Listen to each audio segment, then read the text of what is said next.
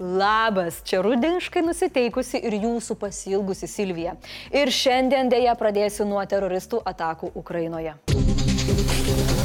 Teroristinė valstybė Rusija toliau tai įrodinėja. Po praėjusios nakties Zaporižės apšaudimo aukų skaičius pakilo iki 17. Mažiausiai 49 žmonės, tarp kurių ir vaikai, atsidūrė ligoninėje. Ir tai ne vienetinis atvejis. Per savaitę nuo rusiškų raketų žuvo mažiausiai 43 šio miesto gyventojai. Naktį Rusijos paėgos apšaudė ir Slovianską. Keturi žmonės žuvo, dar du sužeisti. Ryte raketos taip pat krito Lvive, Dniprė, Helmitskije, Žitomyrė, Harkive ir Konotopė. Pasak Ukrainos oro pajėgų, šįryt Rusija į Ukrainą paleido mažiausiai 83 raketas, 43 iš jų numušė oro gynybos sistemos. Dideli sprogimai sukretė ir Ukrainos sostinę. Raketos pataikė į objektus miesto centre - Ševčenkovskio ir Solomjansko rajonuose. Nuo smūgių dalis gyventojų slėpėsi metro. Vienas iš rusų taikinių buvo pėsčiųjų tiltas Kyive, bet teroristai nesugebėjo į jį pataikyti. Užtat apgadino Filharmonijos, Hanenkos ir Ševčenkos muziejų pastatus. Pirminiais duomenimis nuo raketų smūgių sostinėje žuvo 8 žmonės, dar mažiausiai 30 sužeisti. Pirmą karo dieną primenantis Ukrainos miesto apšaudimas jos prezidento neišgazdino. Volodymyras Zelenskis pasidalijo įrašu, kuriame jis kalba stovėdamas miesto centre. Pasak Zelenskio, šiais smūgiais Rusija taikėsi į svarbius energetikos objektus ir civilius žmonės, kadangi Rusija yra, nu, aišku, teroristinė valstybė. Ir panašu, kad ji nelabai supranta, jog žudydama civilius tik dar labiau supykdys jų karius į naujus automobilius verčiančius Ukrainos karius. Kad Rusijai būtų aiškiau apie tai paskelbta Twitteryje. Mes ateiname jūsų. Lietuvos užsienio reikalų ministerija paskelbė griežtai smerkianti Rusijos bombardavimus. Susilaukė Rusija reakcijos ir iš Moldovos, mat į Ukrainą skridusios raketos pažeidė jos oro erdvę. Ant moldaviško kilimėlio buvo iškviestas teroristinės valstybės ambasadorius. Pretenzijų teroristai gali sulaukti iš mažiausiai dar vienos šalies. Mat raketų smūgių Kyivui metu buvo pataikyta ir į Vokietijos konsulato vizų biurą. Tarakonas Aleksandras Lukašenka panašu, kad pametė muilą ir pasilinkė prieš Putiną. Taip sakau, nes Usuotasis pranešė, kad Rusija ir Baltarusija susitarė dislokuoti bendrą regioninę karių grupę. Taigi visai panašu, kad purvinas baltarusiškas kario batas gali žengti į Ukrainos teritoriją. Nu po to, aišku, po sprogimo tas batas kartu su visakoja parskris atgal. O šiandien katedros aikštėje prie paminklo Gediminui rinkosi Ukrainą palaikantys žmonės. Kartu su visais šiandien dar kartą pasakykime su Ukraina iki pergalės. Tik spalio 7 pradėjome rinkti pinigus Putino gimtadieniui, o jau spalio 8 sproginėjo Kerčės tiltas, dar kitaip vadinamas Krymo tiltu. Greitai Andrius sukasi, nu greitai, labai pavydžiu. Iš tikro, kas susprogdino tiek automobilių, tiek geležinkelio juostas ant tilto, Neaišku, net neaišku, kas tiksliai sprogo. Versijų pasklido įvairiausių. Sprogo tiltų važiavęs sunkvežimis, sprogo greta bėgiais važiavęs krovininių vagonų sąstatas, buvo paleista raketa, dronas, bomba buvo pritaisyta ant paties tilto. Spėju, kad kažkas net galėjo pasakyti, kad Ukraina nusisamdė Songoką, kuris į tiltą paleido kamechanės bangą, jeigu taip atsimenu, valeido. Mhm. Tačiau oficiali versija pagal rusus - tiltą apgadino ant jo sprogęs sunkvežimis, o sprogimo būta tokio stipraus, kad užsidegė ir šalimais geležinkelio bėgiais važiavęs traukinys su degalais. Beje, neaišku ir kuri pusė tuo sprogimu užsiemė. Ukraina, aišku, džiaugiasi šiuo sprogimu ir šventė interneto platybėse. Twitteryje sprogimą paminėjo prezidento patarėjas Mikhailo Podoliakas bei Ukrainos gynybos ministerija. Po to tas pats Podoliakas Twitteryje parašė, kad sprogęs sunkvežimis ant tilto užvažiavo iš Rusijos pusės.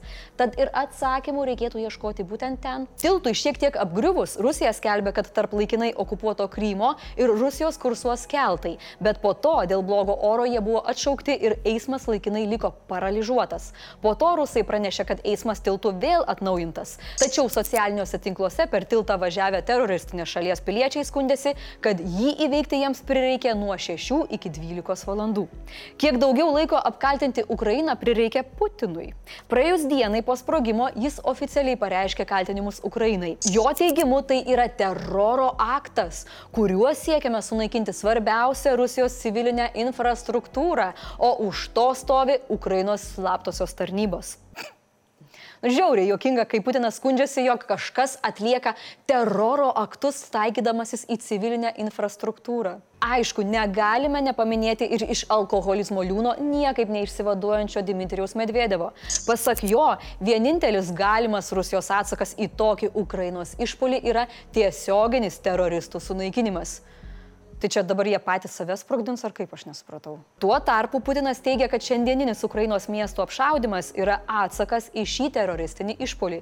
Jo teigimu, tolimojo nuotolio raketos koordinuotai atakavo Ukrainos energetikos, karinius ir ryšių objektus. Na, aš pavyzdžiui, štai čia vaikų darželėje. Karo nusikaltelis taip pat pridėjo, jog jei išpoliai prieš Rusiją tęsis, atsakas bus griežtas. Ei, aš žinau, kaip šituos išpolius va taip va nutraukti va taip va. Tiesiog dinkite iš okupuotų teritorijų atgal į savo namus ir visi išpoliai kaip mat pasibaigs čia. Čia žiauriai paprasta, easy peasy. Va taip va. Parlamentarai ant savo stalo iš vidaus reikalų ministerijos gavo svarbų dokumentą - valstybės tarnybos pertvarką. Jie norima stiprinti vadovų korpusą ir sudaryti jiems galimybės lankščiau tvarkyti su žmogiškaisiais ištekliais. O jei paprasčiau, jaunimas nenori į valstybės tarnybą, todėl reikia kažką daryti, nes tuoj nebeliks iš vis dirbančių. Taigi siūloma panaikinti viršutinės valstybės tarnautojų atlyginimo lubas, decentralizuoti jų atrankas, leisti vadovams patiems spręsti, kiek ir kokių darbuotojų reikia, vadovų darbo užmokestį padaryti priklausomą nuo rezultatų, algą skaičiuoti pagal vidutinį šalies darbo užmokestį, atsisakyti priedų už stažą ir žinoma, kelti atlyginimus. Neblogai, bet o tai kur Lambo ar Teslos vadovams, kur workationai į Nidą, kur avokadai ofise ir abonementai paspirtukams, kur valstybės akcijų dovanojimas? Profesinės sąjungos nuogastauja, kad reforma pablogins tarnautojų sąlygas bei naikins socialinės garantijas. Nepritarė ir opozicija. Štai pavyzdžiui, socdemai. Jie siūlo pripažinti, kad šis eksperimentas nepavyko, nes tai, kas daroma, yra ne reforma, o valstybės tarnybos naikinimas. O štai visuomenės kritikuojamas algų kelimas politikams įsigaliotų tik nuo naujos kadencijos pradžios. Tuo tarpu Seimo teisininkai iš vis iškelia klausimą, ar pertvarka tokia forma, kokia siūloma, nepažeidžia konstitucijos.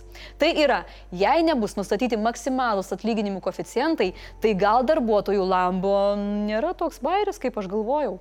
Būtent dėl teisininkų išvados dėja klausimas nusikelia ateičiai. Taigi jaunime, nepraraskime vilties, dar bus šansų padirbėti valstybei. Socialinės apsaugos ir darbo ministrė Monika Navickienė bei trys nacionalinės profesinių sąjungų organizacijos trejiems metams pasirašė nacionalinę kolektyvinę sutartį. Tai reiškia, kad politikams, teisėjams, valstybės pareigūnams, tarnautojams, biudžetinių įstaigų darbuotojams kitais metais auks bazinis pareiginės algos dydis. Tų, kurie gavo didžiausius koficijantus, atlyginimas galėtų kilti apie 74 eurus. Šis ūgtelimas mums atsieis nei daug, nei mažai - 100 18 milijonų eurų iš biudžeto.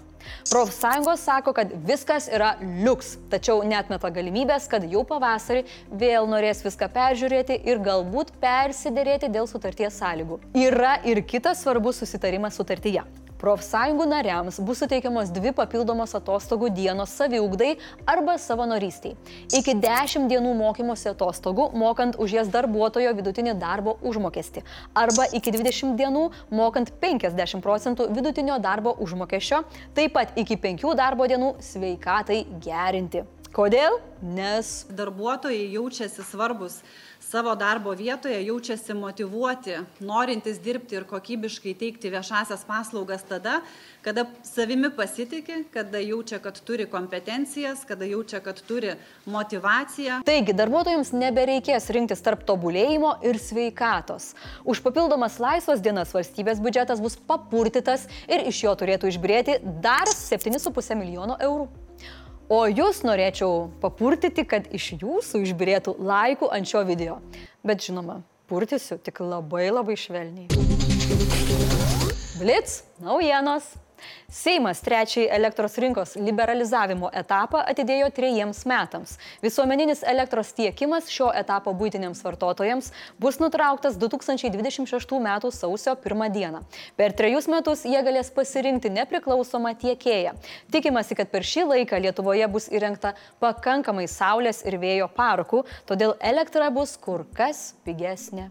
Įsipareigojimų klientams nesugebėjusiai įvykdyti ir veiklą sustabdžiusiai nepriklausomai elektros tiekėjai Perlas Energija, vartotojų teisų apsaugos tarnyba skyrė 90 tūkstančių eurų baudą už vartotojų klaidinimą. Perlas Energijos vadovas Vilius Juraitis teigia, jog įmonė susipažįsta su tarnybos tyrimo medžiaga, o ar bus skundžiamas jos sprendimas, įmonė apsispręs per kelias dienas. Prezidentas Gitanas Nausėda sako, kad Vokietija atsakingai vykdo įsipareigojimą Lietuvoje užtikrinti brigados dydžio karių buvimą. Taip pat, kad pratybų planas yra patvirtintas. JAV mokslininkai Benas Bernankė, Douglasas V. Diamondas ir Filipas H. Dipvigas pelnė 2022 m. Nobelio ekonomikos premiją už bankų ir finansų krizių tyrimus. Laureatai labai pagerino supratimą apie bankų vaidmenį ekonomikoje, ypač finansų krizių metu ir apie tai, kaip reguliuoti finansų rinkas. Septyni pastarojo meto Šiaurės Korejos raketų paleidimai buvo taktinės brandolinės pratybos ir jas asmeniškai prižiūrėjo lyderis Kim Čengunas, skelbė šalies valstybinė žiniasklaida. Teigiama, kad tai buvo tikrinama ir vertinama ši šalies karo atgrasomoji priemonė ir brandolinės kontratakos pajėgumai. Ah, laikai dabar tokie sunkus, kad net norint įsigyti morkų ir grūdų, reikia darbintis. About to get started. Here we go. Pass that on back. Thank you. Give her a pen. Give me a signature. Ir komentarų metas. Praėjusią savaitę laidoje Eglė kalbėjo apie Gitano ir Gabrieliaus susikirtimą, o žmonės jai pasiūlė variantų, kaip šie du valstybės lyderiai galėtų išsiaiškinti santykius. Tai noriu papasakoti apie smagiausius būdus. Back in Blackas sako, kad prezidentas ir ministras galėtų tai padaryti repo dvikovoje, ne? Tuo tarpu vartotojas vardu I just slapped you so hard, you discovered F2 sako, kad geriau būtų santykius aiškinti žaidime Counter-Strike 1.6. Visiška klasika. Sakyčiau, abu būdai labai labai žalus. Čia buvo Silvija, ačiū Jums ir tiek žinių.